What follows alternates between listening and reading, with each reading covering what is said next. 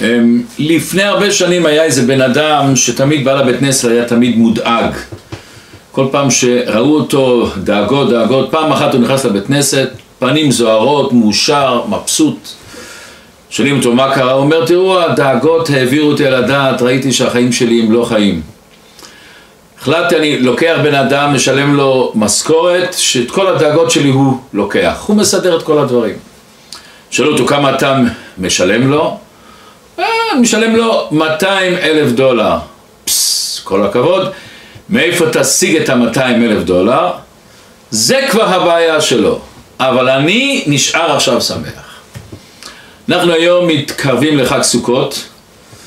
בחג סוכות אנחנו מכירים לכל חג יש את הנקודה הפנימית שלו. סוכות זה זמן שמחתנו. וכאן באה השאלה שפעם אחת היינו בסוכה אצלנו בבית חב"ד וישבו אנשים וירד גשם. אז מישהו שואל איך יכול להיות זמן שמחתנו עוזבים את הבית עוזבים את הנוחיות, עוזבים את הספה, עוזבים את כל הלוקסוס שיש לנו בבית הולכים לסוכה, יורד גשם בתוך המרק, בתוך הבשר ועוד שרים ושמחת בחקיך. איך יכול להיות שדווקא סוכות זה זמן שמחתנו אנחנו מכירים שבחג סוכות יש עוד דבר מאוד מיוחד שזה שמחת בית השואבה. שזה קשור מאוד לסוכות ועוד מעט נראה למה. אבל מה זה העניין הזה של שמחת בית השואבה? לקחו את המים, שאבו אותם, ניסחו אותם עם היין על המזבח. אז כל השנה שניסחו את היין לא היה שמח אבל פי שכתוב ויין ישמח לבב אנוש. במים שניסחו אותם על, על המזבח, כמו שנראה אם ירצה השם בהמשך, היה שמחה עצומה. מה הרעיון הזה שדווקא מים מביאים לכזאת שמחה עצומה? ומה פתאום דווקא לוקחים מים ומנסחים אותך? אנחנו מכירים את ההלכה שצריך להיות מקריבים איזה קורבן מן המשובח, מה זה מים? אז אומר המדרש, רש"י מביא את זה, רבינו בך, חייה מביא את זה, שהקדוש ברוך הוא ברא בהתחלה את העולם, כתוב ורוח אלוקים מרחפת על פני המים. ביום השני כתוב ויבדל אלוקים בין המים אשר מעל הרקיע ובין המים אשר מתחת לרקיע.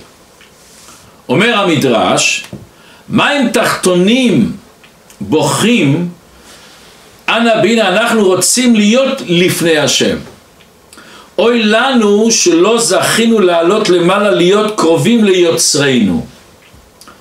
והשם ניחם אותם, ואמר להם שינסחו ויקריבו אותם על גבי המזבח בסוכות.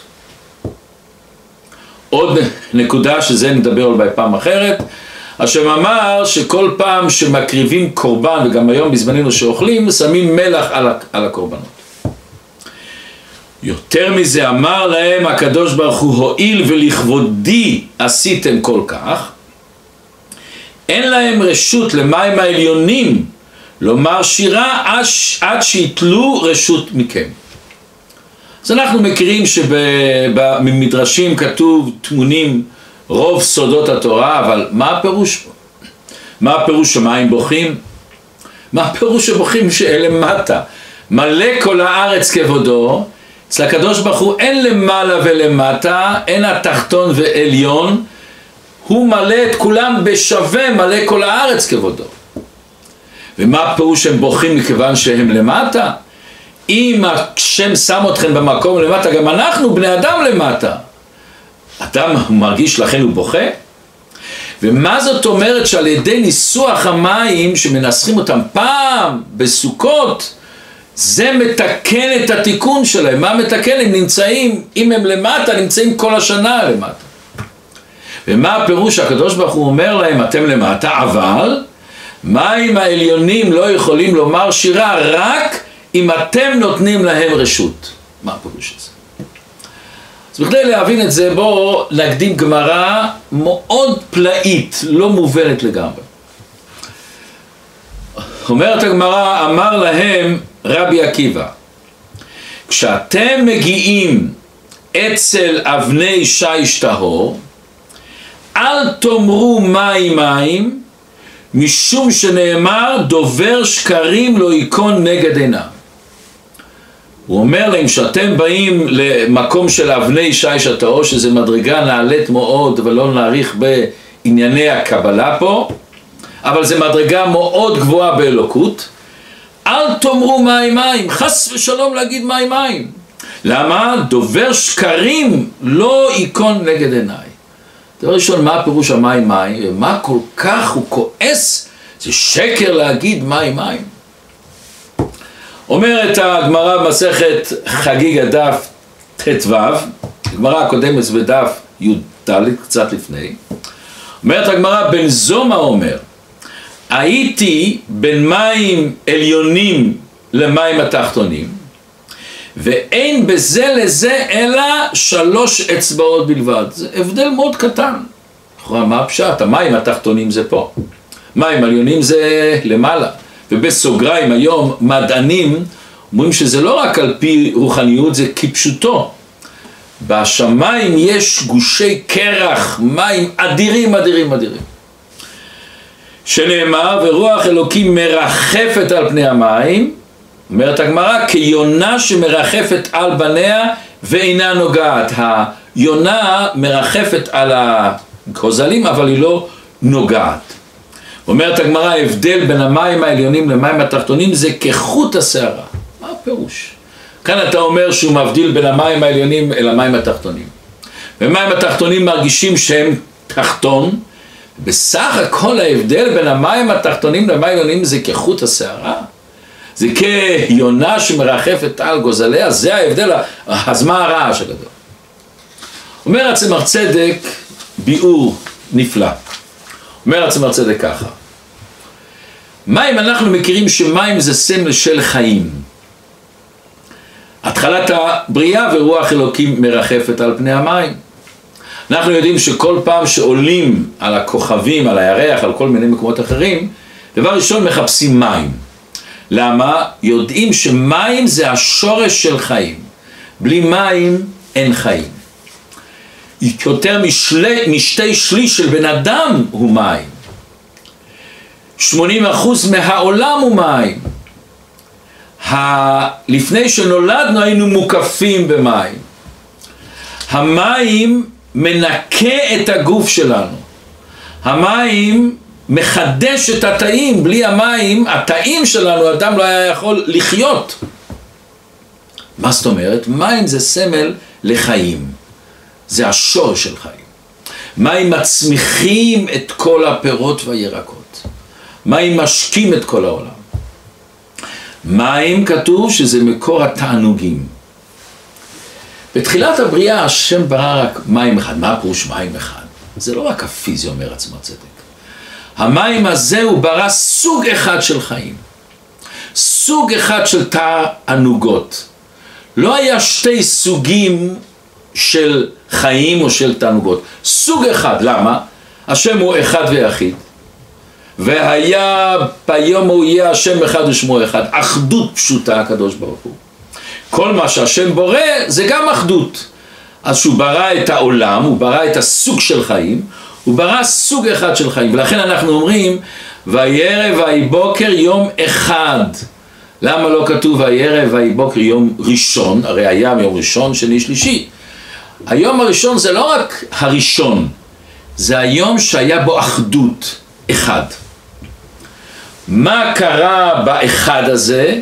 אחד הזה לא היה מחלוקות, לא היה סתירות, לא היה שינוי בין מציאות אחת למציאות שנייה, לא היה ספקות, לא היה ניגודים, לא היה תסבוכים, לא היה תסבוכים, היית נקי וישר אחדות מושלמת. לא היה מה שיש אצלנו, תאוות שסוחבות לכל מיני מקומות, שאלות, סתירות, שינויים בין בני אדם, שינויים בין דברים, לא היה כזה דבר. כתוב במדרש ביום השני, כתוב, ויבדל אלוקים בין המים אשר מעל הרקיע ובין המים אשר מתחת לרקיע. אומר המדרש, זה לא כמו שאנחנו למדנו בבית ספר, שהשם הבדיל בין מים. השם ברא מציאות של שינויים. השם ברא מציאות, כתוב במדרש, שבו נברא מחלוקת. נהיה מציאות של שתי דברים שלא מבינים אחד את השני. שתי דברים שונים אחד מהשני. שני דברים שסותרים אחד את השני. אומר המדרש נברא מחלוקת, נברא גיהינום, זה התחדש ביום השני. ומי שזוכר, לפני הרבה זמן דיברנו למה באמת הקדוש ברוך הוא עשה את השינויים האלה, אבל זה, זה דיברנו אז. אומר הצמר צדק מה הפירוש? שאז נברא שני סוגי חיים. אז נבראו שני סוגים כלליים של תענוגות. מה הפירוש? יש לך חיים רוחניים, אלוקיים. ביום הראשון היה מושג ממה אתה חי? מאלוקות. הרי מה השורש, מה המקור של כל הבריאה? אתה מחדש, השם מחדש את העולם בכל רגע. עשרה מאמרות נברא העולם, אז כל המציאות הפיזית בעצם, כל הקיום שלה, זה רק החיות האלוקית. היה סוג אחד של חיים, סוג אחד של תענוג להתענג ממקור החיים, שזה דברים אלוקיים, רוחניים. מה הקדוש ברוך הוא ברא? פתאום הוא ברא עוד סוג של חיים. עוד סוג של תענוגות, שאתה יכול להתענג מדבר גשמי, מאוכל, ממכונית, מנוף יפה, דברים גשמיים, כמו שבהימה נהנית. השם ברא עוד סוג. והשם הבדיל ביניהם, מה זה ההבדלה הזאת? ההבדלה הזאת היא כל כך עמוקה, שיכול להיות שאתה חי רק בחיים של תענוגות וחיים גשמיים וחומריים, אתה לא מסוגל אפילו להבין שיש סוג אחר של חיים. אני רוצה רק להביא לכם סיפור קצת להמחיש את זה. יש פה אצלנו בעיר אדם שמסתובב ברחוב. לישון איפה הוא יושן, אין לו בית. כל פעם הוא מוצא לעצמו איזה פינה או בפארק, או לפעמים בכניסה של בית. הולך עם שערות הארוכות, בבגדים לא מריחים הכי טוב. נורא ואיום. אני ואביון הולך, עושה, תמיד הולך לבתי כנסת, אוסף את השאריות של האוכל. אוקיי. פעם אחת מתקשרים אליי מארץ הקודש, אומרים לי, אתה מכיר את הבחור הזה וזה, אני לא רוצה להגיד את השם שלו כמובן, שם הזה, כן מכיר אותו.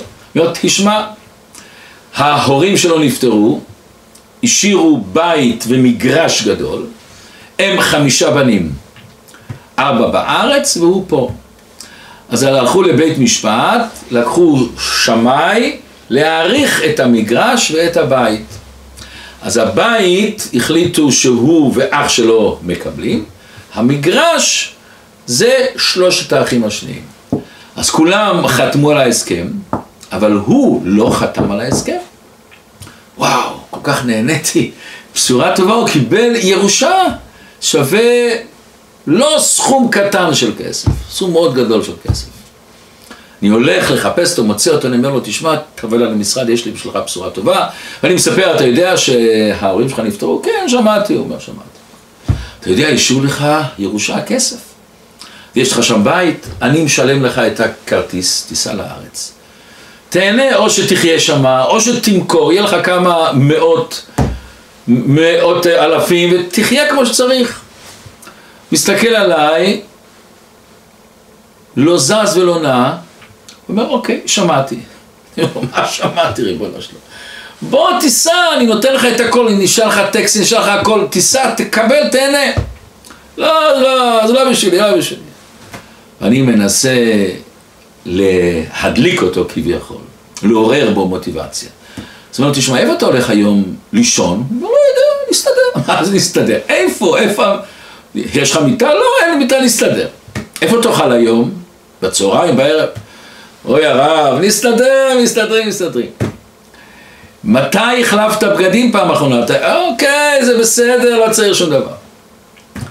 מאז נפגשתי איתו לא פעם, לא פעמיים, לא שלוש, לא ארבע.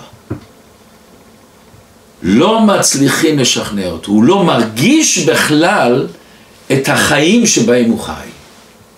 הוא בטוח שהוא חי, הוא חי בסדר. איי, אני לא יודע איפה אני יושן היום, איפה אני אוכל היום, אם אני... לא, זה לא חשוב, העיקר אני פה.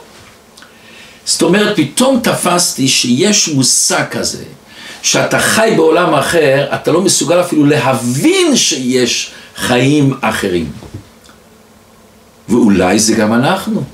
אולי גם אנחנו באיזשהו מקום חיים בחיים גשמיים, ואנחנו לא מסוגלים לה, להרגיש, להבין חיים רוחניים של תענוג אלוקי.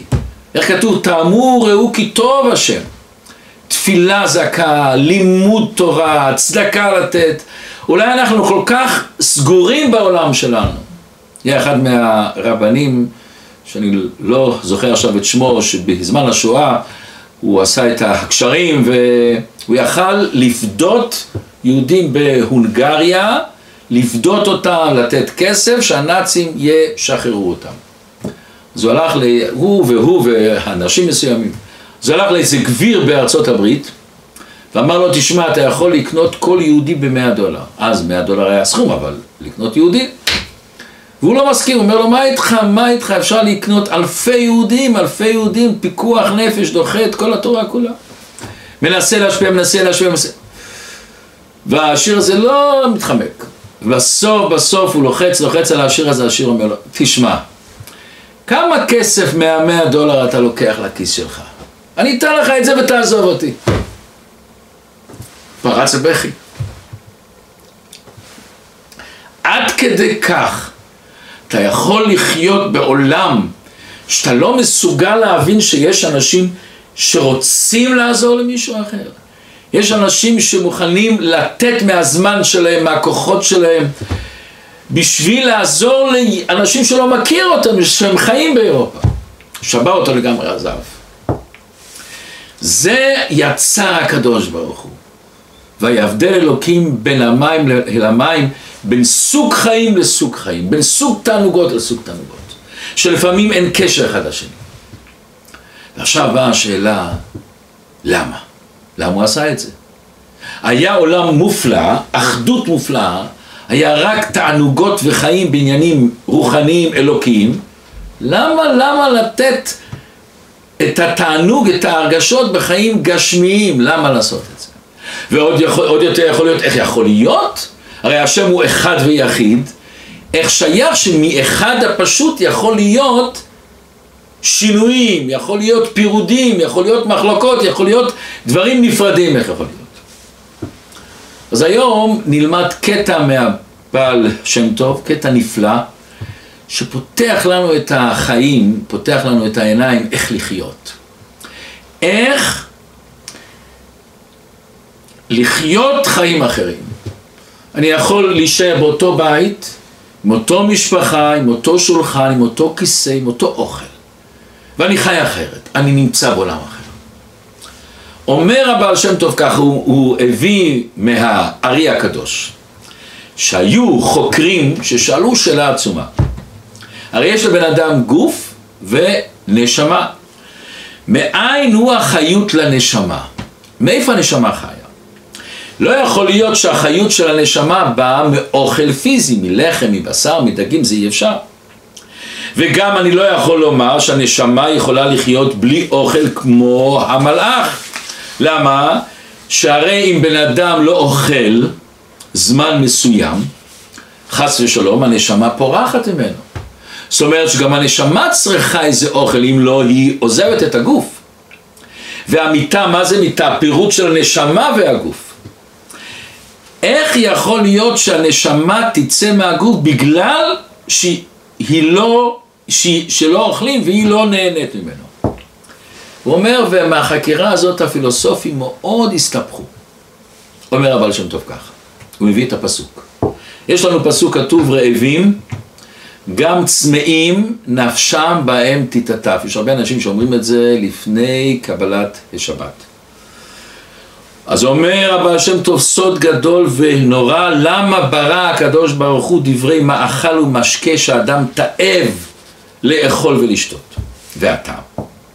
הוא אומר הניצוצות הקדושה, הניצוצות של אדם הראשון, מתלבשים בדומם צומח חי מדבר. וכשבן אדם רוצה לאכול, הנשמה שלו רוצה לאכול. למה היא רוצה לאכול? מה היא צריכה? הרי היא לא נהנית מזה. בתוך המאכל יש ניצוץ קדושה. בתוך המאכל יש ניצוץ אלוקי. והחשק שלהם נדבק בקדושה. וזה מה שכתוב לו על הלחם לבדו יחיה האדם, כי על כל פי מוצא השם. זאת אומרת, אתה מתהווה למוצא פי השם, לחיות האלוקית שנמצאת במאכל. וזה מה שהוא אומר שכתוב, אין טיפה יורדת מלמעלה שאין הטיפים כנגדה. אתה, אתה לוקח את המאכל הגשמי, מעלה את ניצוצות הקדושה וזה משפיע עליך את השפע. זה שבן אדם רוצה לאכול זה רעבים גם צמאים, למה? נפשם בהם תתעטף. הנפש מעוטפת בהם, היא מלובשת בהם, היא מתחפשת, אתה לא מכיר אותה, אתה חושב שבן אדם רוצה לאכול. תדע לך, בתוך האוכל יש ניצוץ אלוקי שהנשמה שלך תאבה לו. אתה לא רואה למה הניצוץ הזה הוא בגלות, הוא מוחבא, הוא לא, הוא לא מכיר אותה. וזה כל הדברים אומר, לא רק באוכל, כל הדברים שמשמשים את האדם. זאת אומרת, דבר עצום. כל פעם שיש לנו צמאון לדבר גשמי, יש פה את הנפש הבהמית. אבל גם בתוך תוכנו יש את הנשמה האלוקית שהיא רוצה את הדבר הזה, מכיוון שבתוך הדבר הזה משתלשל מלמעלה הניצוץ האלוקי. לפי זה נבין משל מעניין מאוד. הבעל שם טוב הקדוש. פעם אמר משל למה אנחנו דומים. מה אנחנו דומים? אומר הבעל שם טוב ככה, משל שבן אדם עשיר הלך ברחוב ושמע מישהו מנגן, אתם יודעים, אנשים עניים ששמים את הכלי, את הקופסה ומנגן, מנגן ניגון נפלא. אז השיר הזה הביא לו עוד כסף, עוד פעם תנגן את הניגון. עוד פעם, עוד פעם, עוד פעם, ניגן, ניגן, ניגן, ועד שהשיר הזה למד את השיר הזה. מאז הוא ניגן את השיר הזה כל הזמן. כשהוא התפלל, כשהוא למד, כשהוא בא הביתה, כשהוא אכל, כשהוא דיב... הניגון הזה, הוא היה חי איתו, נשם אותו. פעם אחת קם בבוקר, טרגדיה, הניגון נעלם ואיננו. מחפש, מנסה לזכור. ואז הוא שם בעיר פלקטים גדולים, מי שמחזיר לי את הניגון האבד הזה, את הניגון שנאבד לי, יקבל פרס גדול. באו לפניו המון מנגנים, עמדו בשורה בבית. הקשיב לכל אחד את הניגון שלו, אומר, הניגון שלך מאוד יפה. אבל זה לא זה, זה לא זה, זה לא זה. אומר אבל שם טוב, הנשמה האלוקית למעלה שמע ניגון, ניגון של קדושה, של טהרה, של זיכוך, של... ניגון של קדושה. והיא באה לעולם הזה, היא מעוטפת, מולבשת בגוף, בנפש הבהמית, אבל בתוך תוכך הנשמה הזאת כל הזמן צמאה מחפשת. רעבים גם צמאים, נפשם בהם תתעטף. זה מה שאנחנו רואים היום, המון יהודים, ב- לא בערך כלפי לא יהודים, נוסעים להודו, נוסעים לכל מרחקים, לחפש את האמת. כמה יהודים הם היום אלה שמחפשים את, ה, את, ה, את האמת, את הקדושה, את הניצוץ האלוקי. נפשם בהם תתעטף. יש כזה סיפור שפעם התרנגול הולידה היצע והיה עוד הרבה ביצים. עבר שם נשר, הנשר גם זרק את הביצה שלו, הוליד את הביצה בתוך הביצים של התרנגול. התרנגולת לא ראתה הבדל, את, על כולם היא דגרה. ומכולם יצאו אפרוחים קטנים, גם הנשר היה קטן קטן. פעם אחת עובר נשר גדול עובר בשמיים. וכל האפרוחים הקטנים, הילדים של התרנגול, לא מסתכלים בכלל. אבל האפרוח הזה של הנשר מסתכל. מה הוא חושב מתי אני אהיה נשר? למה? מכיוון שהוא נשר. זה שיש לנו את התשוקה הזאת, את האש הזה, להתרומם, להיות יותר טובים, להיות יותר בעלי חסד, בעלי קדושה, להתפלל יותר, ללמוד יותר, להיות יותר רוחניים, גם בן אדם שלא שומר תורה ומצוות. יש בתוכו את האש הזאת. למה אין את זה לבעל חי? אתם יודעים למה? מכיוון שאנחנו בתוכנו נשר. יש סיפור מעניין מאוד, היה אחד שקראו לו נתן ילין מור. הוא כתב מאמר, איזה טור באלגמנר ג'ורנל אצל אה, גרשון יעקובזון, כאן שהוא אמר, בעיתון צריך להיות כל הדעות. הוא היה מאוד אנטי דת. פעם אחת הוא הזמין אותו, העורך, גרשון הזמין אותו לבוא לרבה. אומר, אני אבוא לרבה, יזרקו עליי אבנים, אני כזה... אל תדאג, בלובביץ' מקבלים את כולם. זה בא לרבה, הרבה חילק כוס של ברכה. אומר לו הרבה, אני קורא את המאמרים שלך. הרב אומר לו, יש לך חוש כישרון נפלא בכתיבה. אתה צריך לנצל את זה לקדושה, לנצל לעזור לאנשים. כל דבר שהשם נתן לך חוש, זה מחייב אותך, תנצל אותו. הוא היה בשוק, הרב קורא את המאמרים שלי, אז הוא אומר לרב, והרב מסכים למה שאני כותב, אז הרב אומר לו, אם הייתי קורא רק למה שאני מסכים, לא היה לי כל כך הרבה מה לקרוא. ואז הרב שואל אותו ככה, פתאום, מה בנוגע לקיום תורה ומצוות? בא בנוגע להפיץ תורה ומצוות. הוא בשוק. כולם יודעים, אני אנטי דת. מה? הרב שואל אותי, מה, שאני אשמור תורה ומצוות, שאני אפיץ תורה ומצוות? אז הוא אומר, היטראכט, יהודי חושב, מה הוא יגיד? אני חושב. אומר לרב, בני ישראל אמרו נעשה ונשמע, העיקר זה המעשה. אז הוא אומר לרב, כמו הברדיצ'בר. אף אחד לא הבין, מי שעמד על ידו, גם העורך העיתון לא מבין. ואז הוא אומר לו, סלח לי, אבל אני לא מסכים איתך. הברדיצ'בר אמר את זה בנוגע למישהו אחר, לא בנוגע לעצמו. ונגמר הסיפור. הולכים החוצה, ואז רב, רב גרשון ואנשים, מה, מה, מה, מה השיחה הזאת? אומר, תראה, אמרתי לרב הרב בוחן, הרב אמר לי שאני אעשה למעשה, אני לא אעשה. אז אמרתי לרב, מספרים על הברדית שלו, שגם שהוא ראה יהודים אוכלים ביום כיפור, אז הוא אמר, בוודאי שכחתם שהיום יום כיפור. אמרו לו, לא רב, אנחנו זוכרים. בוודאי שכחתם שביום כיפור אסור לאכול? לא רב, אנחנו יודעים. אה, בוודאי אתם לא בריאים? לא, אנחנו בריאים. אז הוא אומר לקדוש ברוך הוא, מי קמך ישראל? אוכלים ביום כיפור, אבל לשקר לא משקרים. אז הוא רצה להגיד לרב, אני לא אשקר אותך. אתה שואל אותי מה קיום את המצוות? אני אומר לך את האמת, אני אומר את האמת, זה גם זכות. אומר לרב, זה טוב ללמד זכות על השני. כאן שאתה לא יכול לכפות את השני לשמור תורה ומצוות, אז אתה מלמד עליו זכות. בנוגע אליך, אם אתה לא שומר תורה ומצוות, אתה לא יכול להגיד אני אומר את האמת, אז כן תשמור מצוות, זה כן מחייב אותך. זה היה בתשל"ז. בתשמ"א, הוא בא לאמריקה עוד פעם, היה לו את המחלה, הוא היה בבית רפואה הר סיני, הוא קרא לעורך שלו, מביא לו מעטפה חומה, אומר לו, תשמע, זה אני, אני שם לך, אחרי 120 שנה תפרסם את המאמר הזה.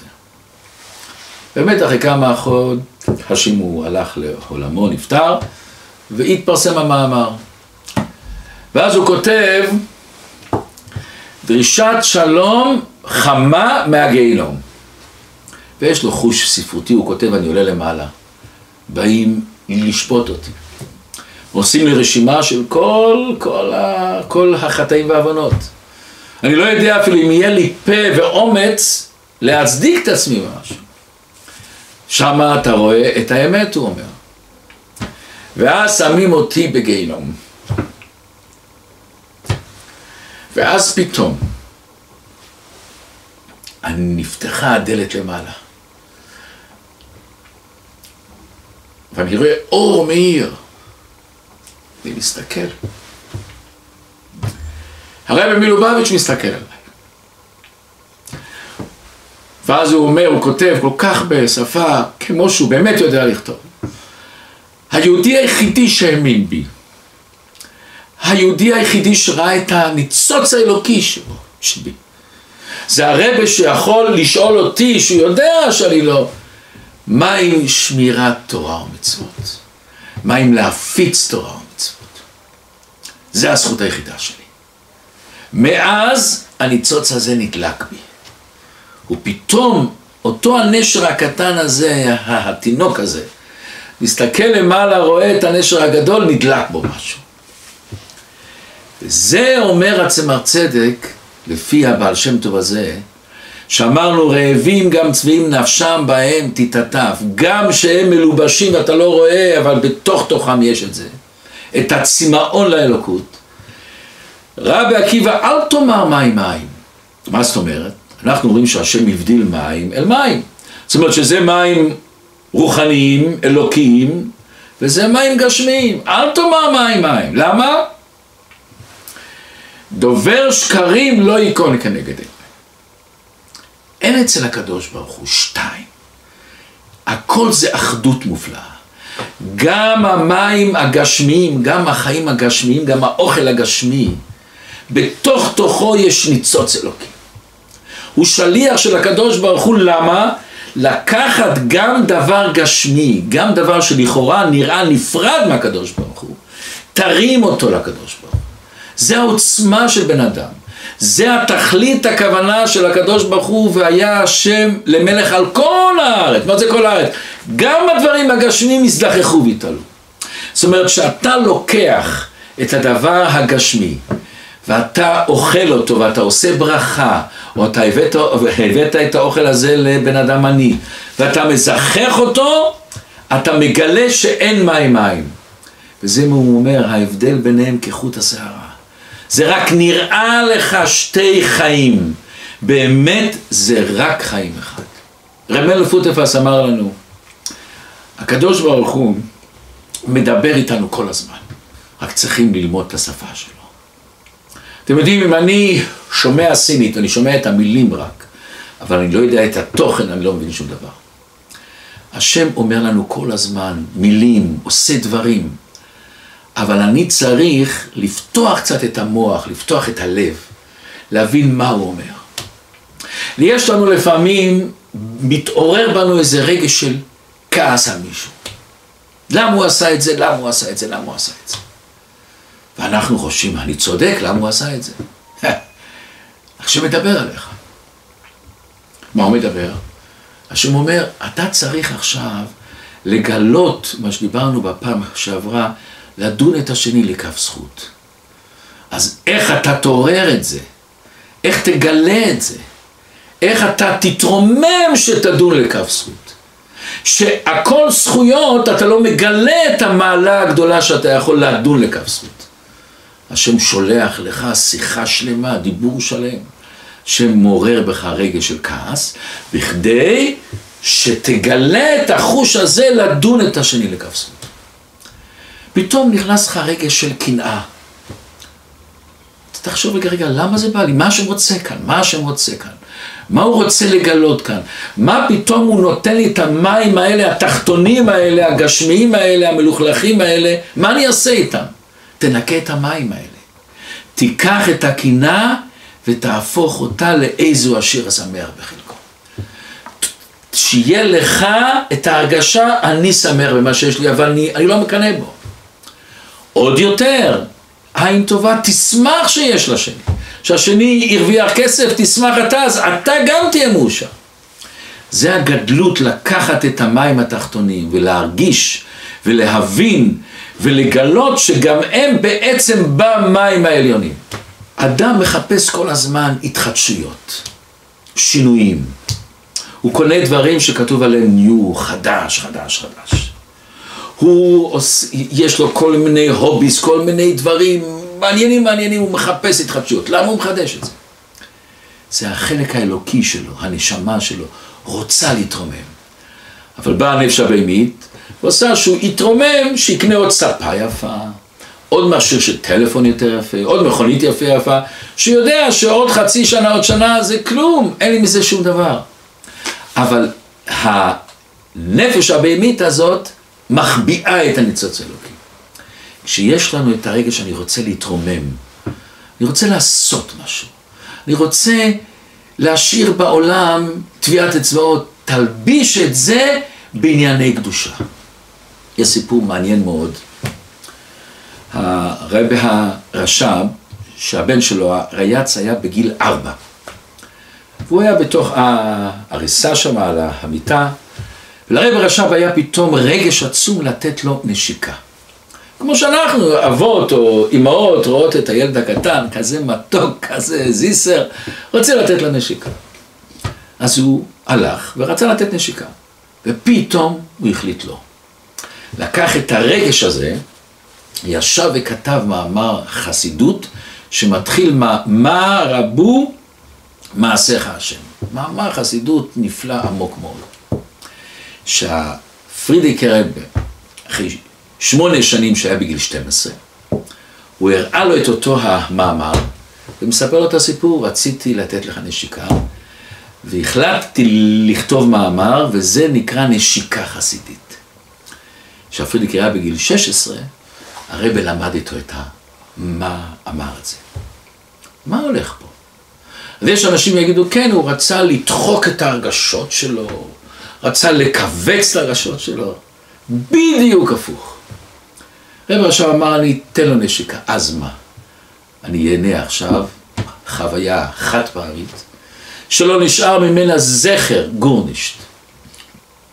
אני לוקח את הרגש הזה של האהבה שלי, את הרגש הזה של לתת את הנשיקה, ואני הופך את זה לדבר אלוקי, למאמר חסידות. אני הופך את זה לדבר של קדושה. כל פעם שהילד הזה ילמד את המאמר הוא ירגיש את הנשיקה. כל פעם שהוא יראה את הספר שהמאמר הזה כתוב, הוא ירגיש את הנשיקה. כל פעם שהוא יזכור על המאמר הזה. כמה חסידים, כמה אנשים למדו את המאמר הזה וזה שינה להם את החיים לגמרי. תיצור מדבר רגעי, מדבר אינסטינקט טבעי, מדבר סתם פשוט, תיצור מזה קדושה. חבל לבזבז את האהבה הזאת על רגע. חבל לבזבז את האהבה הזאת על חוויה של שנייה אחת. תהפוך את זה לדבר נצחי. וואו. זה נקרא נשיקה חסידית. תיקח את המים התחתונים, תרים אותם, תהפוך אותם לדבר אלוקי זה. ואנחנו יודעים שלפעמים אנשים תורמים לזכות הבן שלו איזה, איזה ארון ספרים, איזה בית כנסת, זה נשאר לעד.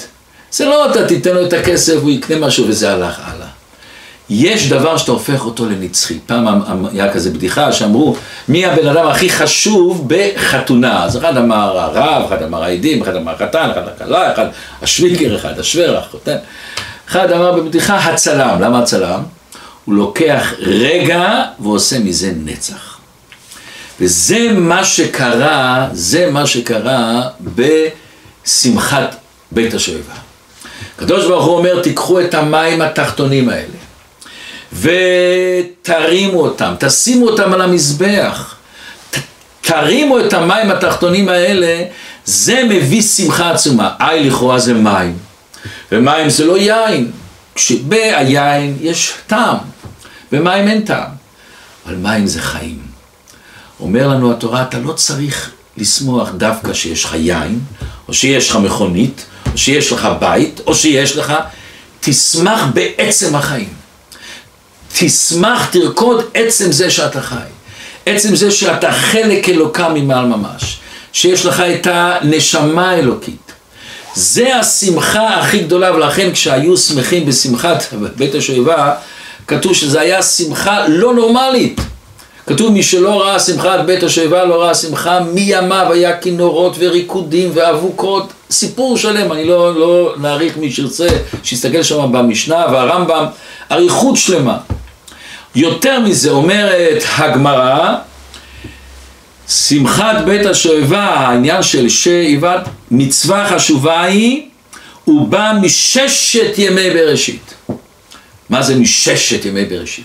אז יש פירוש אחד, ברא, בראשית זה אותיות בראשית, מה זה בראשית? במזבח היה חללים.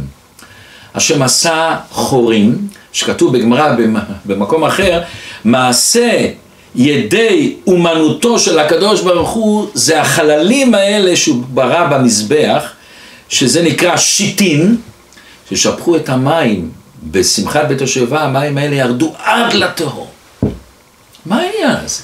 מה זה האומנות של הקדוש ברוך הוא? מה זה העניין הזה ששופכים את המים וזה מששת ימי בראשית כבר? זה התוכנית של העולם. התוכנית של העולם ורוח אלוקים מרחפת על פני המים שרוחו של משיח שתחבר את המים העליונים והתחתונים.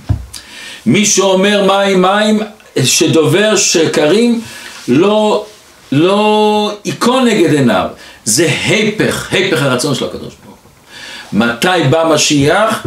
רוח אלוקים מרחפת על פני המים, שנגלה בעולם הגשמי גם את העולם האלוקי, דווקא בזה. אנחנו יודעים שסוכות זה זמן שמחתנו. סוכות אתה הולך החוצה, אתה לא בבית שלך. במה אתה שמח? אתה שמח שהקדוש ברוך הוא מחבק אותך. אתה שמח בעצם זה שהקדוש ברוך הוא איתך. וזה מה שאמרנו בהתחלה, זה השמחה האמיתית. השמחה האמיתית שאתה לא צריך שום דבר. לא אם המכונית נשברה אתה עצוב, ולא אם העט הפסיקה לכתוב, אתה, או אם אתה לא מצאת את המפתחות, סיפור שלם. אתה שמח, אתה מרגיש שהקדוש ברוך הוא איתך. יש אחד הרב ניסן מנגל, הוא היה בגיל עשר, עשר וחצי, שהוא היה בשואה, עבר את מגלה, סיפור ארוך, אולי אני אספר פעם אחרת, אבל בסוף, אתם יודעים, בסוף המלחמה שהם ראו שהאמריקאים, הרוסים באים, עשו צע, צעדות המוות. ועשו שתי שורות, שורה אחת לאנשים הבריאים יותר, שורה אחת לאנשים החולים והחלשים, שהם ידעו שהם ילכו מיד. שמו אותו בשורה של האנשים החלשים, והוא קפץ, קפץ. והחייל תפס אותו, הרביץ לו מכות, ו... אבל אחרי כמה זמן הוא שוב קפץ והוא הצליח. הוא אומר, הלכתי, הלכתי, הלכתי, הרגעתי שזה הסוף של החיים שלי.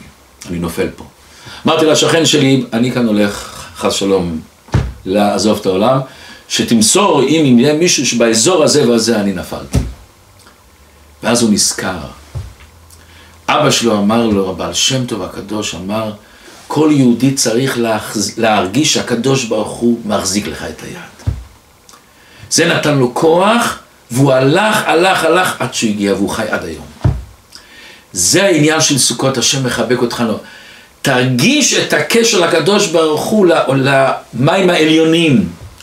ואחרי זה שאתה חוזר הביתה, תכניס את הרגשות האלה של המים העליונים, של הקשר לקדוש ברוך הוא. תכניס את זה אל העולם הגשמי. הפוך, תיקח את המים התחתונים, את, את העניינים של העולם הזה, ותהפוך אותם לקדושה.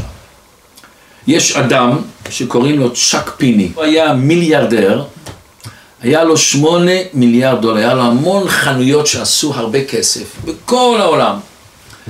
ובשלב מסוים הוא החליט, אני רוצה לעשות את העולם יותר טוב. לקח את כל הכסף שלו, השקיע באיזה קרן צדקה, שם לעצמו בצד שתי מיליון דולר שהוא ואשתו יוכלו לחיות את החיים שלהם. גר בדירה קטנה בסן פרנסיסקו. כל החיים, כל החיים שלו השקיע איפה לחלק כסף. גם הוא השקיע בארץ, בארץ ישראל וגם הוא השקיע באוניברסיטאות, השקיע בהמון מקומות. היום הבן אדם הזה בן 89. והוא אומר את ההנאה הזאת, להישאר מיליארדר, לקחת כסף, הפכת אותו אולי לא לדברים של שיא הקדושה, לבתי כנסת, ישיבות, אבל עזרת לאנשים. זה יצרת, נשארת מיליארדר. הוא אומר את ההנאה הזאת, אתם לא תוכלו להעריך. והוא קרא להמון מיליארדרים והמון אנשים אומרים שהוא היה הדוגמה שלהם, היום אתם יודעים יש כזה ארגון של שבועה כזאת, שאת רוב הרכוש שלהם נותנים לצדקה. הוא היה הדוגמה שלהם.